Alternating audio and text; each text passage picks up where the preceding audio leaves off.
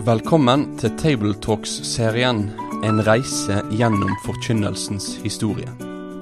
Programmet er utarbeidet av Egil Sjåstad i samarbeid med Asbjørn Kvalbein og Sunniva Fuglestveit, og vært publisert av den kristne ressurssida foross.no.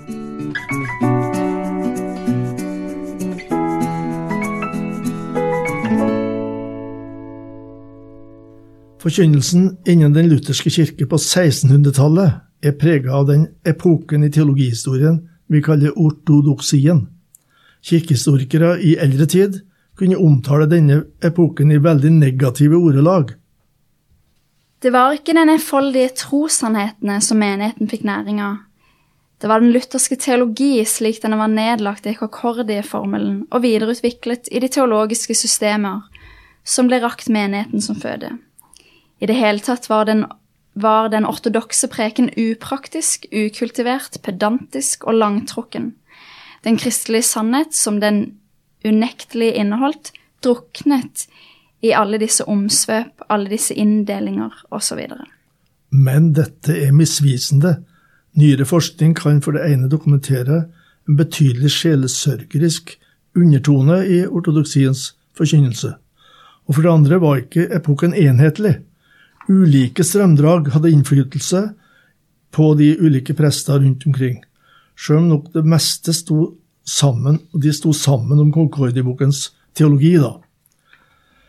Kjedelig kunne nok forkynnelsen allikevel oppleves. Mange prester, især i Norge, hadde liten utdannelse og holdt seg til postiller og prekensamlinger på prekestolen. Brochmanns postille var solide greier og betydde mye, men hva menigmann fikk med seg når presten leste sånne preker, det kunne variere veldig. Ironisk så kunne de som leste fra postiller på prekestolen, kalles postilanter. Disse prestene er som ryttere uten hest, ble det sagt. For ortodoksien var Bibelen Guds åpenbaringsord, og søndag formiddag var stedet der de, der de hørte ordet til frelse og oppbyggelse. Kjedsomheten var derfor et dilemma. I 1645 kom en forordning for å sikre at folk lytta. For at den store uskikken med soving kan foregripes og avskaffes, skal folk engasjeres for å gå med lange kjepper til å slå dem i hodet med som sover under prekenen. Og poenget var at troen kommer av hørelsen, og da må du jo være våken for å høre. Det må man. Slitne bønder vet du, som eh, sovna i en varm kirke. Jeg ser det for meg. Ved Universitetet i København ble det oppretta et preikeseminar der prekenmetoder skulle innøves og prøveprekener holdes. Der skulle studentene endatil få tilbakemelding på gestikulasjon, metoder, innhold. Studentmenigheten i København ga også studentene forbilder å etterligne. Innholdsmessig var filippismens tid forbi. Arven fra Melanchthon skulle ikke forkludre den rene lutherdom. Derfor kunne nok prekener være prega av polemikk. Men likevel, sak nummer én var skriftutleggelse og skriftanvendelse. Explicatio og applicatio. Mm.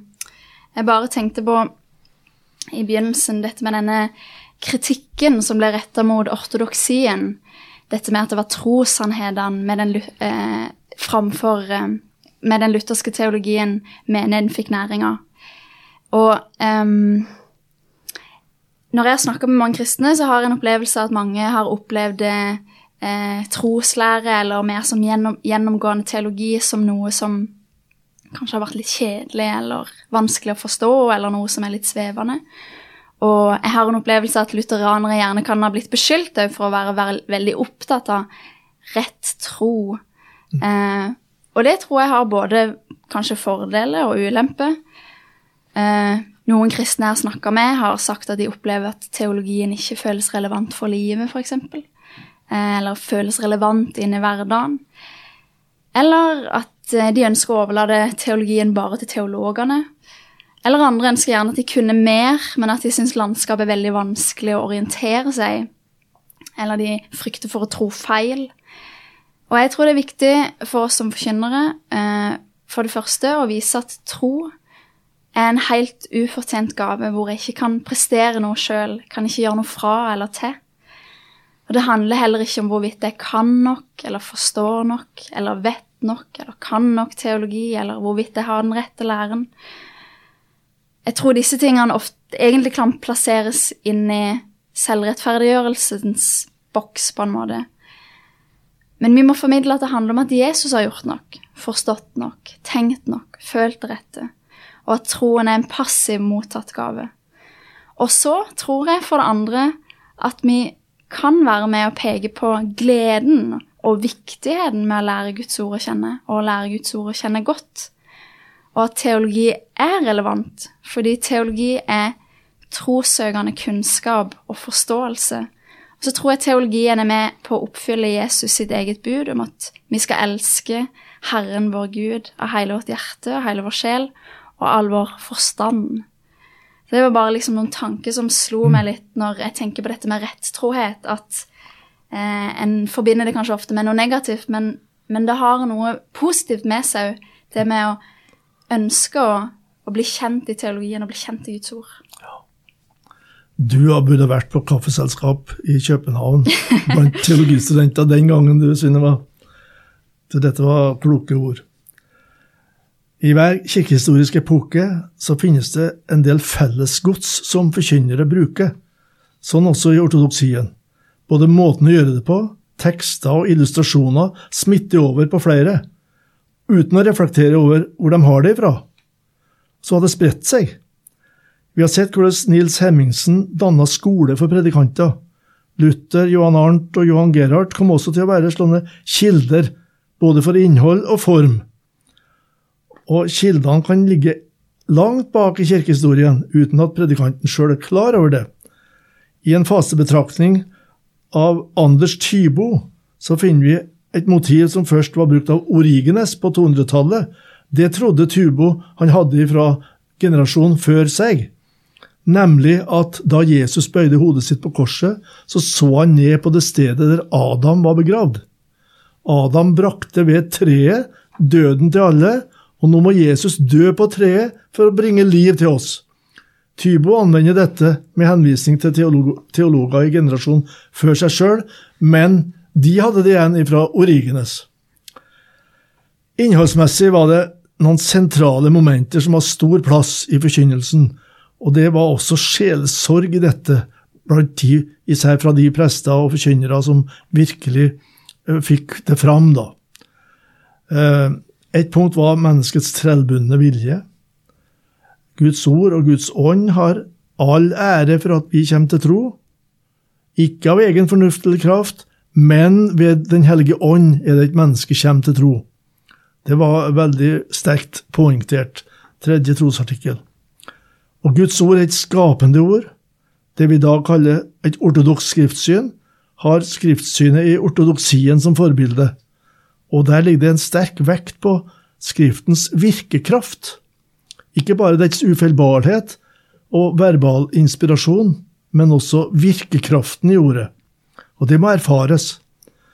Guds vrede over Jesus på korset sto sentralt når forsoningen skulle forkynnes, men Guds vrede var også tema når f.eks. katastrofe har inntrådt, så hvis noen av disse hadde levd i dag, så ville de fort ha tenkt litt i baner som vi hører av og til noen tenker, at det Gud kaller oss til omvendelse gjennom koronakrisen. Hans vredesris slår til både her og der. 30-årskrigen tolka de, flere av de kristne, i et slikt lys. Kanskje mer eller mindre, helst mindre med rette, ofte. Spenningen mellom lov og evangelium avspeiles ofte, slik vi også så det hos biskopene på slutten av 1500-tallet. Om sokneprest Samuel Bugge fortelles det en enkel, fin beretning. Bugge var blitt meget syk i jula. Sykdommen gjorde han svært melankolsk, forteller han. Han følte seg uverdig. Men så begynte han å grunne på teksten for nyttårsdagen, Lukas 2,21. Temaet var navnet Jesus, og hans navn ble gitt på grunn av dets mening. Han skulle frelse sitt folk fra deres synder. Etter hvert forsvant hans dype melankolske griller og Satans fristelser, forteller han. Han ble gjort både frimodig og frisk.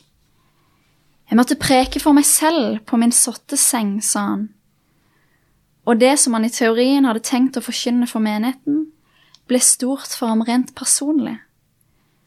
Det var stort in teoria og ble stort in praktisi, sier han. Ja. Budskapet, selve teorien i dette her, teologien, ble plutselig viktig for han personlig. Mm. Det Samuel Bugge hadde sett inn i, var både hva Jesu omskjærelse og Jesu navn innebærer for oss.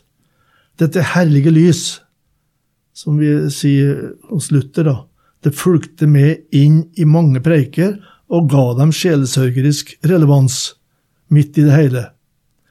Forkynnelsen ble pakka inn i punkter og lærebeskrivelser, kanskje, men det skinner et lys fra prekestolene ofte likevel, nemlig at det som nå har skjedd med Jesus, det er egentlig trøsten jeg har når jeg skal dø. Anfektelsen er i samsvar med dette et kjent motiv i prekenene. På grunn av vår iboende syndighet må Gud ydmyke oss, sånn at vi finner vår trøst og hjelp i Jesus alene og i Hans nåde. Noen var dristige og sa at Gud spøkte med sine barn i anfektelsen. Teksten om Guds kamp med Jakob da hofteskola ble slått av ledd, blir ofte tatt fram i denne litteraturen. Forfatteren av det kjempesvære bokverket Sjeleskatt fra perioden 1675 til 1692, Christian Skriver, si slikt om anfektelsen som Guds handlemåte. Den som han, altså Gud, vil gjøre Gud fryktig, gjør han til en fortvilet synder. Den som han vil gjøre vis, blir en dåre. Den som han vil gjøre sterk, blir skrøpelig. Den som han vil gjøre levende, stikker han i dødens skap. Den som han vil føre til himmelen, senker han ned i helvetes avgrunn. Den som vil være liten, blir stor. Han bærer ikke alltid sine på bærestol, da vil de falle i søvn og glemme å tro, be og håpe. I dette verket kunne prester hente mange oppbyggelige og frigjørende betraktninger. Så ble forkynnerens ansvar ofte betont.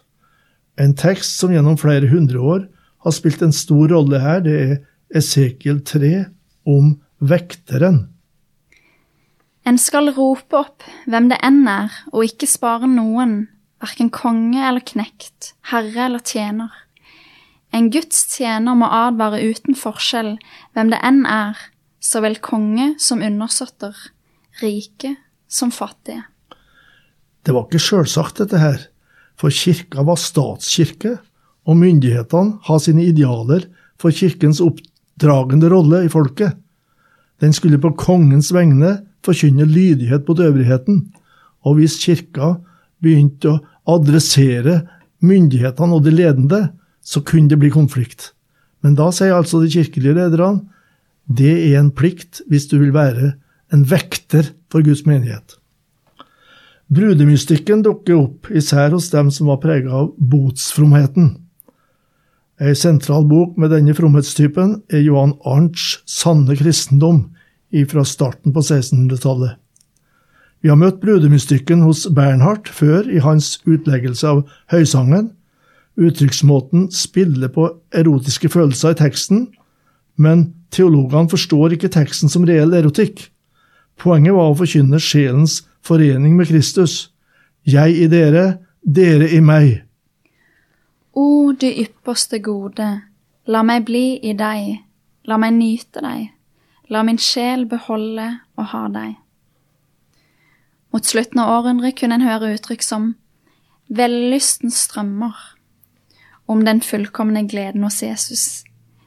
Jeg lenges, jeg beærer inderlig å drikke av vellystens strømmer, som er, o søteste Jesus, hos deg evinnelig. Her har altså erotikkens språk erobra forkynnerspråket, men tematikken dreier seg om menneskesjelen og det inderlige foreningen med Kristus. Tryggheten og gleden i tros, troslivet er å vite at jeg er hos Han, under Hans beskyttelse. Han er den gode hyrden. Og preget av erotisk begjær, som i bibelsteksten er der som et tema, det avstreifes. Etter hvert preges mange forkynnere av barokkens idealer med svulmende formuleringer, ikke minst når overskrift, hovedpunkt og underpunkt på preika skal utformes. Forsynstroen kjennetegner mye av det beste i salmeskatten fra ortodoksien.